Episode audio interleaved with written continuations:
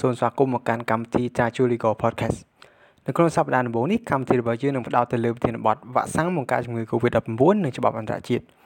នៅក្នុងសប្តាហ៍នេះផងដែរយើងមានវាគ្មិនកិត្តិយសចំនួន2រូប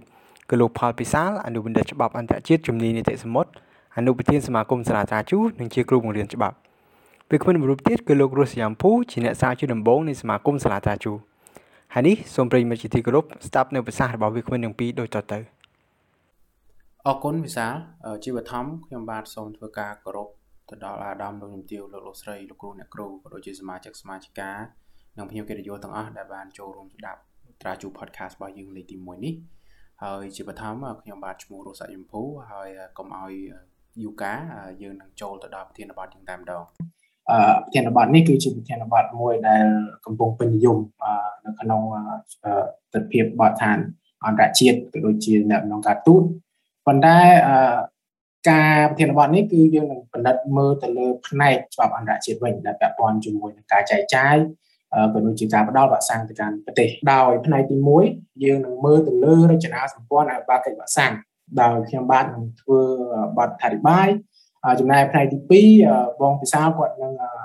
បណ្ឌិតបន្ថែមហើយនឹងបកស្រាយបន្ថែមពាក់ព័ន្ធជាមួយច្បាប់អន្តរជាតិក៏ដូចជាបទដ្ឋានគតិយុអន្តរជាតិផ្សេងៗរួមជាមួយនឹងអនុសាសន៍នានាដែលពាក់ព័ន្ធ ចឹងកន្លែងនេះខ្ញុំសូមជំរាបផងដែរថានៅពេលដែលខ្ញុំពិនិត្យទៅមើលរចនាសម្ព័ន្ធបាគេបាក់សាំងមុននឹងឈានទៅដល់រដ្ឋអន្តរជាតិយើងត្រូវដឹងសិនថាតើមានយន្តការក៏ដូចជាតួអង្គអន្តរជាតិណាខ្លះដែលពាក់ព័ន្ធបើសិនជាយើងដឹងថាមាន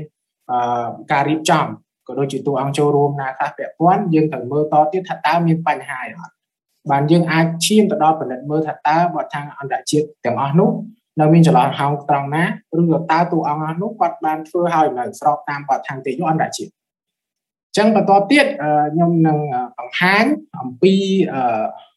រចនាសម្ព័ន្ធឲ្យបាកិច្ចបាក់សាំងតែម្ដងយើងចូលត្រឡប់ចូលមក topic យើងវិញកុំឲ្យឆ្ងាយពេកអញ្ចឹងខ្ញុំនឹងធ្វើការមើលទៅលើ4ចំណុចសំខាន់សំខាន់ដែលទី1យើងអាចនិយាយបានថាកម្រិតអន្តរជាតិទី2កម្រិតតំបន់ហើយនិងក្រមប្រទេសទី3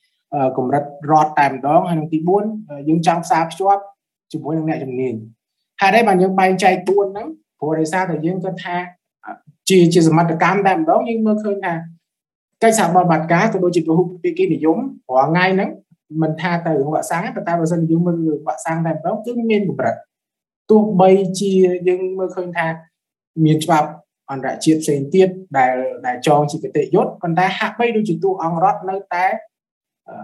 នាំមុខទោះបីជានៅក្នុងស្ថាប័នអង្គការអន្តរជាតិឬក៏ស្ថាប័នអង្គការតំបន់ឡាក់ឡាក់អញ្ចឹងខ្ញុំចង់ផ្ដោតសំខាន់លើកថាការទី3ឬក៏ចំណុចទី3ទូអង្គរដ្ឋប៉ុន្តែវានឹងមានចសនកម្មទៅកាន់កថាការទី1កថាការទី2ក៏ដូចជាកថាការទី4ដូចគ្នាយើងបកចូលមកនៅក្នុងអឺកម្រិតអន្តរជាតិដែលខ្ញុំបានជម្រាបមុនហ្នឹងវិញអឺមែនតើទៅខ្ញុំនឹងធ្វើការពិនិត្យទៅលើអង្គការសហជីវជាតិអង្គការសុខភាពពិភពលោក ហើយនឹងយន្តការមួយដែលគេហៅថា Access to COVID-19 Tools Accelerator ឬក៏ ACT អឺដែលខ្ញុំនឹងជំរាបតែទៀតនេះអញ្ចឹងនៅពេលដែលយើងនិយាយអំពីសន្តិសុខសន្តិភាពរបស់ពិភពលោកយើងតែងតែនឹកឃើញដល់អង្គការសហជីវជាតិជារឿងធម្មតាព្រោះបើសិនជាយើងនិយាយតាមនៃច្បាប់គាត់មានធម្មនុញ្ញរបស់គាត់ធម្មនុញ្ញអង្គការសហជីវជាតិហើយមេត្រាក្នុងបានចែងលេខច្បាស់ថាគាត់ ត្រូវទទួលខុសត្រូវរ៉ាប់រងបញ្ហាអស់នេះអញ្ចឹងនៅពេលដែលយើងគិតដល់អង្គការសហជីវជាតិយើងក៏គិតដល់មហាសន្និបាតនៃអង្គការសហជីវជាតិឬក៏ក្រុមប្រឹក្សាសន្តិសុខហើយដែលខ្ញុំលើកគាត់គាត់សំខាន់ហើយក្នុងផែនការដាក់ផែនការសកម្មភាពអន្តរជាតិនេះប៉ុន្តែអ្វីដែលសំខាន់គឺគាត់អាចដាក់ចេញនូវសេចក្តីសម្រេចដែលអាចមានជាតម្លៃគតិយុត្តទោះបីជាតម្លៃគតិយុត្តហ្នឹងវាអាចមិនមានតម្លៃប្រហាក់ប្រហែលឬក៏ស្មើនឹងច្បាប់អន្តរជាតិផ្សេងទៀតទេ ប៉ុន្តែក៏ជាឯកសារដែលយើងអាចផ្អែកទៅលើហើយនឹងមានការបកស្រាយបន្ថែមដោយផ្នែកទី2ដោយបងផបសាគ្រាន់តែចង់រំលឹកថាអង្គការសហជីវជាតិបានកំពុងធ្វើរឿងកូវីដដែរគាត់ជាស្ថាប័នកម្ពុជាហើយគាត់មានរចនាសម្ព័ន្ធពាក់ព័ន្ធនៅពេលដែលយើងនិយាយពីហ្នឹងយើងនិយាយពីរចនាសម្ព័ន្ធសំខាន់សំខាន់ដែលចងជាប្រព័ន្ធតាក់ទិននឹងអង្គការសហជីវជាតិយើងបន្តនឹកឃើញដល់អង្គការសុខភាពពិភពលោកដែលគាត់មិនត្រឹមតែជាអង្គការ specialize ឬក៏ជំនាញនៅខាងហ្នឹងទេអឺ គាត់បើសិនជាយើងមើលធម្មនុញ្ញរបស់អង្គការសុខភាពពិភពលោកទៀតសោតក៏ដូចប្រហាក់ប្រហែលនឹងអង្គការសុខភាពពិភពលោកដែរចឹងឲ្យទៅពាក់ព័ន្ធអង្គការសន្ទុះអង្គការសហជីវជាតិដែរគាត់ឲ្យតែមានរឿងសុខភាពគឺគាត់តាក់ទងហើយផ្នែកហ្នឹងក៏បងវិសាគាត់នឹងលើកនៅចំណុចទី2ប៉ុន្តែអ្វីដែលខ្ញុំចង់បង្ហាញនៅកន្លែងនេះត្រង់ថាបើសិនជាយើងមើលផែនការយុទ្ធសាស្ត្ររបស់អង្គការសុខភាពពិភពលោកគាត់ចង់ឲ្យផ្ដល់វ៉ាក់សាំង2000 លានដូសឬក៏2 billion នៅក្នុងឆ្នាំ2021នេះទៅកាន់គ្រប់រដ្ឋឬគ្រប់ប្រទេសបានន័យថាម៉េចបានន័យថា2000លានដូសហ្នឹងគាត់ប្រមាលមើលឃើញថាវាស្មើនឹង20%នៃប្រជាជនគ្រប់ប្រទេសទាំងអស់ដែលជាគោលដៅអតិភិបហើយនឹងជាក្រុមដែលមានហានិភ័យអញ្ចឹងបានយើងអាសាឮថាអូត្រូវចាក់វ៉ាក់សាំងឲ្យក្រុមមានអតិភិបមុនឬក៏ក្រុមមានហានិភ័យមុនហើយយើងសួរបន្តទៀតក្រុមអតិភិបនិងក្រុម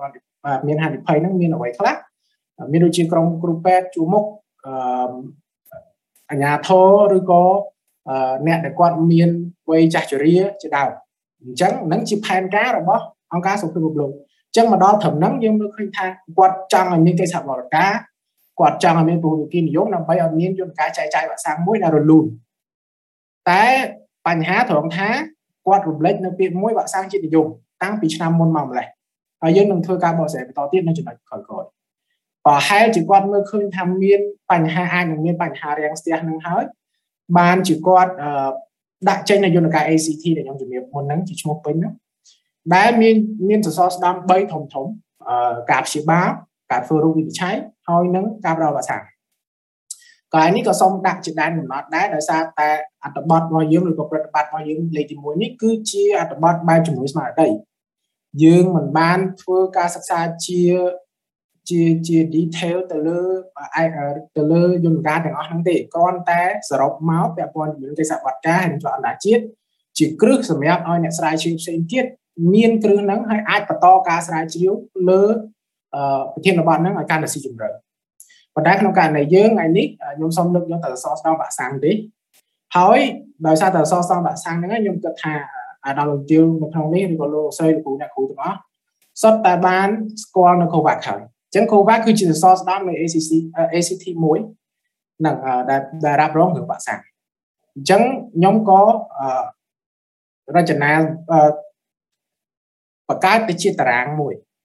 ដើម្បីឲ្យងាយស្រួលយល់ COVAX មែនតើទៅគឺគាត់ចូលរួមដោយ4តួអង្គសំខាន់សំខាន់មាន CEPI មាន Gavi មាន UNICEF ហើយនឹងមាន World Health Organization ឬក៏អង្គការសុខភាពលោក CEPI អឺ គាត់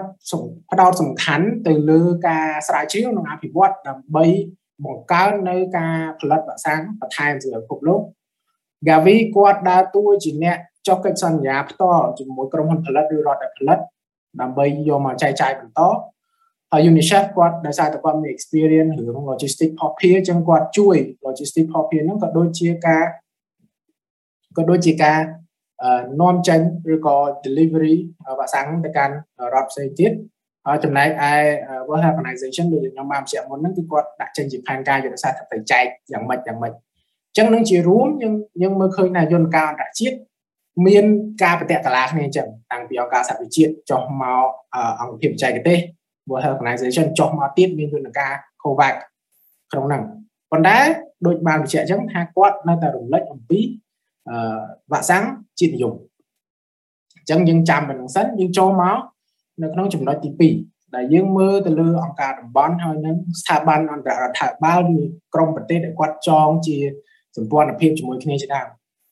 ហេតុអីបានខ្ញុំរំលឹកនឹងអង្គការតំបន់ហើយក៏ដូចជាស្ថាប័នអន្តររដ្ឋាភិបាលក៏ដូចគ្នាជាមួយនឹងកម្រិតអន្តរជាតិកម្រិតតំបន់ក៏ជាដើរតួជាយន្តការមួយសំខាន់ក្នុងការផ្សារភ្ជាប់រវាងប្រទេសឬក៏កិច្ចសហប្រតិបត្តិការ តំបន់ផ្សេងផ្សេងហើយក៏អាចជួយប្រហែលជាអាចជួយក្នុងការសម្រួលក្នុងការចែកចែកចាយវ៉ាក់សាំងដូចគ្នាអញ្ចឹងបើសិនជាយើងមើលទៅលើអង្គការតំបន់ដែលខ្ញុំសូមលើកយកអឺក្រុមអង្គការដែលគិតថាមានអឺមានជាប់ពាក់ព័ន្ធជាមួយនឹងកម្ពុជាឬក៏អាចនិយាយបានថាគាត់បានចេញសកម្មភាពច្រើនហើយមានដូចជាគណៈកម្មការអឺរ៉ុបអាស៊ានឬក៏សហភាពអាហ្វ្រិក សុទ្ធតែសុទ្ធតែបានចេញសេចក្តីប្រកាសព័ត៌មានឬក៏ចេញសេចក្តីថ្លែងការណ៍រួមឬក៏ចេញជាច្បាប់តែម្ដង implementation regulation ជាដើមក្នុងករណីអឺរ៉ុបដើម្បីដើម្បីអីដើម្បីបូករួមកម្លាំងហិរញ្ញវត្ថុដើម្បីបូករួមកម្លាំងចែកចាយឬក៏ដើម្បីជាជាជាអាចនិយាយបានថាជា leverage ឬក៏អំណាចមួយក្នុងការចរចាជាមួយក្រុមហ៊ុនវ៉ាក់សាំងដើម្បីទទួលបានវ៉ាក់សាំងហ្នឹងមកចែកចាយក្នុងតំបន់តទៀតអញ្ចឹងយើងឃើញថាជាយន្តការមួយបន្ថែមទៅលើយន្តការអន្តរជាតិហើយដើម្បីចង់បានប្រសិទ្ធភាពក្នុងការចែកចាយវ៉ាក់សាំងគឺជាយន្តការល្អហើយបន្តមកទៀតយើងក៏មើលដែរថាមានស្ថាប័នអន្តររដ្ឋាភិបាលផ្សេងទៀតដូចជាក្រមប្រទេស G7 ដែលទៅបញ្ចេញសេចក្តីថ្លែងការណ៍ដូចជាកំឡុងខែ6ដើមខែ6ហើយក្រុមប្រទេស4 Quad ដែលមានអាមេរិកជប៉ុនឥណ្ឌាហើយនិងអូស្ត្រាលីក៏បានសន្យាជួយអាស៊ាន1000លានដុល្លារ ក្នុងឆ្នាំ2021ចំណែកឯក្រុមប្រទេស G7 គាត់សន្យាជួយ COVAX 800ជាងលានដុល្លារនៅក្នុងឆ្នាំ2021និង2022ប៉ុន្តែគាត់បានបញ្ជាក់ថា800ជាងលានដុល្លារហ្នឹងគាត់នឹងឲ្យពាក់កណ្ដាលនៅក្នុងឆ្នាំនេះចឹងបើយើងគិតលេខទៅ800ជាងលានដុល្លារយើងចែកពីវាត្រូវ400ជាងលានដុល្លារចឹងគួរតែ COVAX ទទួលបាន400ជាងលានដុល្លារហើយប៉ុន្តែកន្លែងហ្នឹងជាកន្លែងបញ្ហា យើងត្រូវប្រយ័ត្នជាមួយនឹងកត្តានយោបាយចំណងកត្តាប្រកេនយោបាយផ្សេងទៀតដែលជាប់ពាក់ព័ន្ធហេតុអីព្រោះទី1បើសិនជាយើងទៅមើលលើតួលេខជាក់ស្ដែងដែល COVAX បានបានចែកចាយវ៉ាក់សាំងបច្ចុប្បន្នគាត់ទៅតែចែកចាយបាន300ជាងលានដុល្លារអញ្ចឹងសួរថាចំនួន400ជាងលានដុល្លារនោះនៅទីណាតើគាត់ជាការសន្យានៅលើกระดาษឬក៏យ៉ាងណា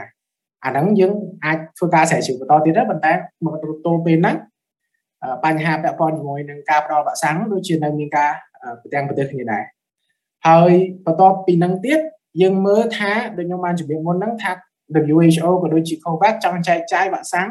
2000លានដុល្លារក្នុងឆ្នាំ2021តែប្រហែលជាចាត់ទុកថាអាចជាជាអកុសលអឺខែមុនថ្ងៃ8កញ្ញាមាន join COVAX statement ឬក៏ស្ដីថាការរួមរបស់ COVAX បានបញ្ជាក់ថាគោលដៅនឹងមិនអាចទៅរួចទេព្រោះដោយសារតែមានការបង្អាក់ដោយគ្មានការចូលរួមពីអ្នកផលិតហើយគ្មានការចូលរួមពីប្រទេសដែលបានចាក់ភាគច្រើនហើយអញ្ចឹងវាសបញ្ជាក់ថាម៉េចសបញ្ជាក់ថាប្រហែលជារដ្ឋដែលគាត់មានលទ្ធភាពក្នុងការផលិតហ្នឹងនៅតែក្តៅក្តៅវ៉ាក់សាំងហើយទោះបីជាមានការសន្យាក៏អាចនឹង imply បានថាការសន្យានោះមិនទាន់ចេញជាសកម្មភាពនៅឡើយ ដែលយើងបន្តទៅមើលទៀតថាវាជាប់តែកន្លះគ្នាយ៉ាងម៉េចអញ្ចឹងបើសិនជាយើងផ្អែកទៅលើស្ថិតិជា graph របស់ our world data ដែលរៀបចំដោយសាកលវិទ្យាល័យ Oxford អានេះជា data ដែលខ្ញុំបានដាក់ចូលនៅក្នុងសភៅប្រតិបត្តិណាប្រហែលប៉ុន្តែប្រហែលជាឥឡូវអាចមានការប្រែប្រួលមួយចំនួនប៉ុន្តែបើយើងគិតត្រឹមខែ8យើងមើលឃើញថា TWIP TWIP អឺរ៉ុបហើយនិង TWIP អាមេរិកបានវ៉ាក់សាំងច្រើនជាង TWIP ដទៃទៀត បានច្រើនជាង TWIP អាស៊ីហើយនិងអាហ្វ្រិកដែលមានប្រជាជនច្រើនជាងគេក្នុងពិភពលោកលេខ1និងលេខ2អាស៊ីទៅបាន30%ជាងប៉ុន្តែបើយើងនិយាយពីអាហ្វ្រិកមិនទាន់បាន10%ផងនៃប្រជាជននៅក្នុងទ្វីបគាត់បើយើងនិយាយពីទិន្នលេខពិភពលោកកាន់តែតិចទៀតទៅបាន30%ពេលនោះអញ្ចឹងយើងសបញ្ជាក់ឃើញថាម៉េចប្រហែលជាយន្តការតំបន់ឬក៏ស្ថាប័នអន្តររដ្ឋាភិបាលក៏ដូចជាអង្គការអន្តរជាតិប្រហែលជានៅមានកម្រិត ចឹងបានយើងចូលមកដល់ថាតើបញ្ហានេះវាកើតចេញពីណាបើសិនជាកម្រិតអន្តរជាតិកម្រិតតំបន់នៅមានបញ្ហាអញ្ចឹងប្រហែលជាកើតចេញពីឆន្ទៈរដ្ឋប្រហែលណាខ្ញុំអត់ទាន់ប្រកាសដែរព្រោះជាការស្រាវជ្រាវអឺវាអាចនឹងផ្លាស់ប្ដូរនៅពេលមុខអញ្ចឹងយើងចូលមកមើលរដ្ឋដែលខ្ញុំធ្វើការបែងចែកជា4ចំណុចសំខាន់សំខាន់ទី1រដ្ឋដែលគាត់ដែលមានលទ្ធភាពទី2រដ្ឋដែលគាត់ចូលរួមផលិត រដ្ឋដែលមិនមានលទ្ធភាពហើយនឹងទី4យើងមើលថាករណីកម្ពុជាមិនបានខុសគេខុសគេក្នុងន័យល្អទេមិនមែនខុសគេបើន័យថាយើងខុសគេក្នុងផ្លូវអីផ្សេងទេអឺអញ្ចឹងយើងបកមកមើលក្នុងរដ្ឋដែលគាត់មានលទ្ធភាពគ្រប់គ្រាន់ក្នុងការផលិតអឺមែនតើទៅតាមអត្ថបទស្រាវជ្រាវជាច្រើនតាំងពី World Bank Policy Research ក៏ដូចជាការបោះពុម្ពផ្សាយនៅក្នុង Cambridge University Press ដែលសូមអធិស្ឋានផងខ្ញុំមិនបានចាំឈ្មោះឈ្មោះអ្នកនិពន្ធក៏ដូចជាឈ្មោះអត្ថបទទេ អញ្ចឹងបើសិនជាអាចចារណាលទ្ធភាពផលិតមើលក្នុងប្រតិបត្តិក៏ប៉ុន្តែសង្រួមមកខ្ញុំក៏ថាមាន3ចំណុចសំខាន់សំខាន់ទី1បច្ចេកទេសក្នុងការធ្វើទី2បញ្ហាហិរញ្ញវត្ថុហើយទី3បញ្ហាវត្ថុធាតុដើមដែលជាទូទៅយើងមើលជារួមរដ្ឋដែលគាត់មានលទ្ធភាពគាត់មានទាំង3ហ្នឹងនៅក្នុងដៃហើយក៏មានអត្ថបទដែលចង្អុលដែលចង្អុលបង្ហាញថា ដោយសារតែគាត់មានទាំងអស់ហ្នឹងហើយបើគាត់មាន leverage ឬក៏អំណាចទិញឬក៏ការ stock ទុកឬក៏ការក្តោបក្តាប់អសាំងជាដើមជាជាងរដ្ឋផ្សេងទៀតជាក់ស្ដែងមានការសិក្សាស្រាវជ្រាវមួយបានបង្ហាញថាបើសិនជាយើងនិយាយអំពីការចុះកិច្ចសន្យាធ្វើភាគីតែម្ដង bilateral deal គេមើលឃើញថាសឹងតាលើស60%នៃវ៉ាក់សាំងទាំងអស់នោះត្រូវបានប្រមូលទិញដោយរដ្ឋដែលខ្ញុំបានបញ្ជាក់ហ្នឹងរដ្ឋដែលគាត់មានលទ្ធភាពហ្នឹងប្រមូលទិញហើយអាហ្នឹងយើងនិយាយអំពីថវិកា តែយើងចូលមកពីវត្ថុធាតុដើមវិញក៏មានការចងល់បង្ហាញដែរថាគ្រាន់តែវត្ថុធាតុដើមហ្នឹងនៅអាមេរិកហើយនិងអឺរ៉ុបលើស50%ទៅហើយដែលមានប្រភពចេញពីហ្នឹងអញ្ចឹងបើសិនជាអត់មានវត្ថុធាតុដើមហ្នឹងតើរដ្ឋផ្សេងទៀតគាត់អាចធ្វើយ៉ាងម៉េចមានតែរដ្ឋដែលគាត់ក្រៅផ្ដាប់វត្ថុធាតុដើមហ្នឹងទើបអាចធ្វើបាននឹងមិនទាន់និយាយអំពីបច្ចេកទេសដែលគាត់មានផងអញ្ចឹងហើយបានប្រហែលជាអញ្ចឹងហើយគេមើលឃើញហើយក៏គេចាត់ទុកថារដ្ឋទាំងអស់នោះ មាននិន្នាការបែបសួនតួឬក៏គាត់រៀងឯកតោភាគីគាត់មិនពិនិត្យទៅលើច្បាប់អន្តរជាតិដែលមានឬក៏គាត់គិតអំពីប្រជាជនរបស់គាត់មុនប៉ុន្តែមិនមែននិយាយថាគាត់គិតពីប្រជាជនរបស់គាត់មុនខុសនោះទេអ្វីដែលយើងចង់បញ្ជាក់គឺការស្តុកទុកលើសកម្រិតឬក៏ការធ្វើមួយចំនួនហាក់បីជាហួសហេតុពេកហើយដោយមិនអនុលោមទៅតាមច្បាប់អន្តរជាតិដែលនឹងមានការបកស្រាយបន្តពីពីបងផាភាសា ក្នុងកន្លែងនេះដែរខ្ញុំក៏សូមអនុញ្ញាតផ្ដល់ជាឧទាហរណ៍ពី3ទៀតឧទាហរណ៍ Operation Warp Speed របស់អាមេរិកដែលគាត់ដាក់ supply condition ឬក៏ការចែកចាយមានលក្ខខណ្ឌទៅកាន់ក្រុមហ៊ុនជាច្រើនដូចជា J&J, Moderna, Novavax, Pfizer ដើម្បីថាមុននាំចេញទៅក្រៅគាត់ត្រូវធ្វើឲ្យ supply ក្នុងអាមេរិកឲ្យបានដល់ចំណុចដែលគាត់ចង់បានសិនរដ្ឋាភិបាលចង់បានសិន ទី2យើងមើលពីអឺរ៉ុបដែលគាត់ដាក់ចេញ implementation regulation សំទោសខ្ញុំអត់បានចាំលេខទេប៉ុន្តែគេហៅគេហៅថា export authorization ឬក៏ការការកម្រិតនៃការនាំចេញដូចគ្នាមិនមែនតែវ៉ាក់សាំងទេដល់វត្ថុធាតុដើមទៀត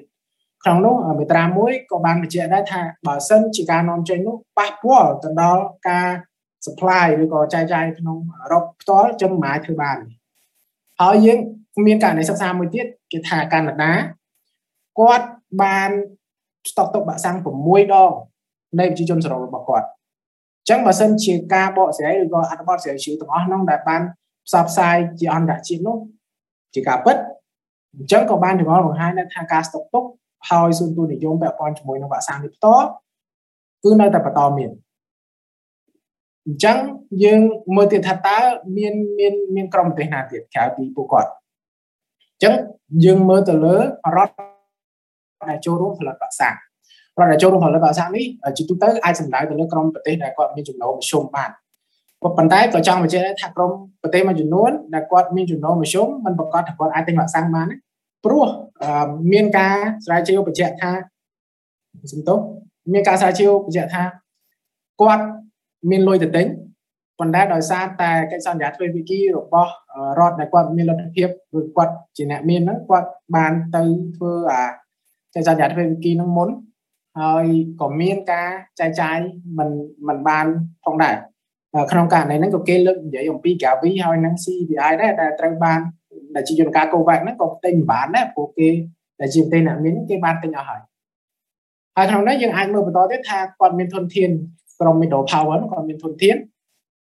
ហើយគាត់អាចផលិតវ៉ាក់សាំងមានដូចជាថៃកាហ្សាស្ថាននិងវៀតណាម វាមិនមែន exhausted តែប៉ុណ្្នឹងទេមិនមែនកម្រិតតែប៉ុណ្្នឹងមានរដ្ឋផ្សេងទៀតតែខ្ញុំសូមលើកប៉ុណ្ណឹងហើយនឹងក្រុមដែលនាំចេញវត្ថុធាតុដើមផ្សេងទៀតក្នុងការផលិតវ៉ាក់សាំងដូចជាសិង្ហបុរីឬក៏ឥណ្ឌូនេស៊ីដែលគាត់នាំចេញក្រុមប្រទេសអស់ហ្នឹងគេត្រូវបានគេមើលឃើញថាមាន leverage ឬក៏មានអំណាចមួយចំនួនក្នុងការថាម៉េច negotiate ចរចាជាមួយនឹងរដ្ឋដែលគាត់ផលិតវ៉ាក់សាំង final ដើម្បីទទួលបានវ៉ាក់សាំងមួយចំនួនសម្រាប់ជាជួនរបស់គាត់ ហើយបើសិនជាក្រុមប្រទេសដែលមានធនធានដែលអាចផលិតវ៉ាក់សាំងបានដូចថៃកាហ្សាស្ថានឬក៏វៀតណាមក៏អាចមានយន្តការផលិតមួយចំនួនក៏ប៉ុន្តែក៏នៅតែបញ្ហាត្រង់ថាខ្វះវត្ថុធាតុដើមពិបាកក្នុងការបន្តហើយនឹងការប្រមូលផ្ដុំវ៉ាក់សាំងនៅតែនៅក្រមប្រទេសដែលគាត់មានលទ្ធភាពគ្រប់គ្រាន់ដែលបានបញ្ជាក់មុនហ្នឹងអញ្ចឹងវាឆ្លងបង្ហាញថាម៉េចវាឆ្លងបង្ហាញថាអនន្តរភាពវ៉ាក់សាំងហ្នឹងវានៅតែបន្តមាន ទោះបីជាមានការចូលរួមជាមួយនឹងរដ្ឋផ្សេងផ្សេងទៀតក៏ដោយប៉ុន្តែក៏វាហាក់បីដូចជាមិនទាន់បានពេញលេញឡើយទេបន្តទៅទៀតយើងមកដល់រដ្ឋដែលគាត់មិនទាន់មានលទ្ធភាពផលិតវ៉ាក់សាំងអញ្ចឹងក្នុងបរិបទហ្នឹងដូចខ្ញុំបានជំរាបជូនពីខាងដើមហើយតាមអត្ថបទស្រាវជ្រាវខ្ញុំនិយាយនេះខ្ញុំមិននិយាយខ្ញុំទៅរកឃើញថ្មីទេអត់ទេគឺ based on អត្ថបទស្រាវជ្រាវ គេអាចមើលឃើញថាប្រទេស developing country ឬក៏ប្រទេសដែលគាត់មានការអភិវឌ្ឍកំពុងអភិវឌ្ឍឬការអភិវឌ្ឍតិចតួចគាត់នឹងត្រូវរងចាំដល់ឆ្នាំ2022 2023ដើម្បីទទួលបានវ៉ាក់សាំងពេញលេញហើយដោយសារអីដោយសារខ្ញុំបានបញ្ជាក់អញ្ចឹងកង្វះសមត្ថភាពចែកវិទ្យាឬក៏វត្ថុអញ្ចឹងគាត់ត្រូវពឹងលើយន្តការកូវ៉ាក់សំណួរយើងមានបន្តទៀតថាបើសិនជាគាត់ពឹងលើយន្តការកូវ៉ាក់ហើយបើសិនជារដ្ឋផ្សេងទៀតដទៃទៀត ជាពិសេសរដ្ឋដែលគាត់មានធនធានគាត់បញ្ចូលរួមមួយយន្តការកូវ៉ាក់តើរដ្ឋផ្សេងទៀតដែលជារដ្ឋក្រីក្រឬក៏រដ្ឋកំពុងតែអភិវឌ្ឍហ្នឹងទទួលបានវ៉ាក់សាំងពីណាហើយបើសិនជាគាត់ទទួលបានវ៉ាក់សាំងទេជាជនគាត់ស្លាប់តើរដ្ឋដែលគាត់មានធនធានហ្នឹងគាត់ទទួលខុសត្រូវទេវារំលោភច្បាប់អន្តរជាតិទេសិទ្ធិរស់រានមានជីវិតនៅទីណាសិទ្ធិមនុស្សអន្តរជាតិនៅទីណា នេះមិនទាន់គិតអំពីរដ្ឋនាងផ្សេងទៀតដែលកើតចេញពីច្បាប់កម្មសិទ្ធិបញ្ញាឬក៏ច្បាប់ផ្សេងផ្សេងទៀតដែលដែលនឹងមានការបកស្រាយបន្ថែមពីបងវិសាលក្នុងចំណុចហ្នឹងខ្ញុំក៏សូមធ្វើការបន្ថែមព័ត៌មានមួយចំនួនជាពិសេសសូមលើកយកសម្ដីរបស់លោក Tedros Adhanom ដែលជាគណៈនាយករដ្ឋបាលរបស់អង្គការសុខភាពពិភពលោកព្រោះបើសិនជាយើងមិនយកទិន្នន័យពីអង្គការសុខភាពពិភពលោកយើងច្រានចោល អង្គការអន្តរជាតិហើយយើងគិតតែពីប្រទេសខ្លួនឯងអញ្ចឹងច្បាប់អន្តរជាតិអូតូវាមានន័យសំខាន់អញ្ចឹងយើងត្រូវតែយកសម្ដីរបស់អង្គការដែលគាត់ជាជំនាញហើយអន្តរជាតិយកមកប្រឌិតដែរចឹងក្នុងករណីហ្នឹងខ្ញុំសូមអនុញ្ញាតលើកយកការពីខែ8 2020លោក Tedros បានបង្ហាញអំពី vaccine vaccine nationalism ឬក៏អឺវ៉ាក់សាំងជាតិនិយម មកដល់ខែ4 2021គាត់បានបង្ហាញទិន្នន័យថា82%នៃប្រទេសដែលមានចំណូលខ្ពស់ទទួលបានវ៉ាក់សាំងប៉ុន្តែត្រឹមតែ0.2%ទេនៃប្រទេសដែលមានចំណូលទាបទទួលបានវ៉ាក់សាំង COVID-19 បន្តមកទៀត5ថ្ងៃឬក៏4 5ថ្ងៃក្រោយ G7 declaration ដែលយើងបានដែលខ្ញុំបានបញ្ជាក់ពីខាងដើមលោក Tedros ចេញមកអំសាទៀតខែ6ថ្ងៃទី18គាត់បានថា បើសិនជាការសន្យាបរិច្ចាគវ៉ាក់សាំងហើយបរិច្ចាគវ៉ាក់សាំងនៅឆ្នាំក្រោយដដែលវានឹងធ្វើឲ្យប៉ះពាល់ទៅដល់អាយុជីវិតមនុស្សដែលកំពុងត្រូវការវ៉ាក់សាំងឥឡូវក្នុងពេលនោះដែរគាត់ក៏បានគូបញ្ជាក់ថា50%នៃប្រទេសអ្នកមានបាន fully vaccinate ប្រជាជនគាត់ហើយ50%នៃប្រទេសអ្នកមានបានចាក់វ៉ាក់សាំងពេញលេញជូនប្រជាជនគាត់ហើយនេះមិនទាន់គិតអំពីខែ7ថ្ងៃ12 2021 ដែលគាត់នៅតែបន្តនិយាយថាឥឡូវហ្នឹងមាន two track pandemic ឬក៏ស្តង់ដារទ្វេមួយសម្រាប់ជំងឺឆ្លងហ្នឹងព្រោះកើតឡើងដោយសារតែ inequality ឬក៏វិសមភាពអឺយើងយើងពិនិត្យមើលទៀតថាលោកបន្តមកមានលោក Steiner ដែលគាត់ជានាយករដ្ឋបាលរបស់ UNDP កាលពីថ្ងៃខែ7ថ្ងៃ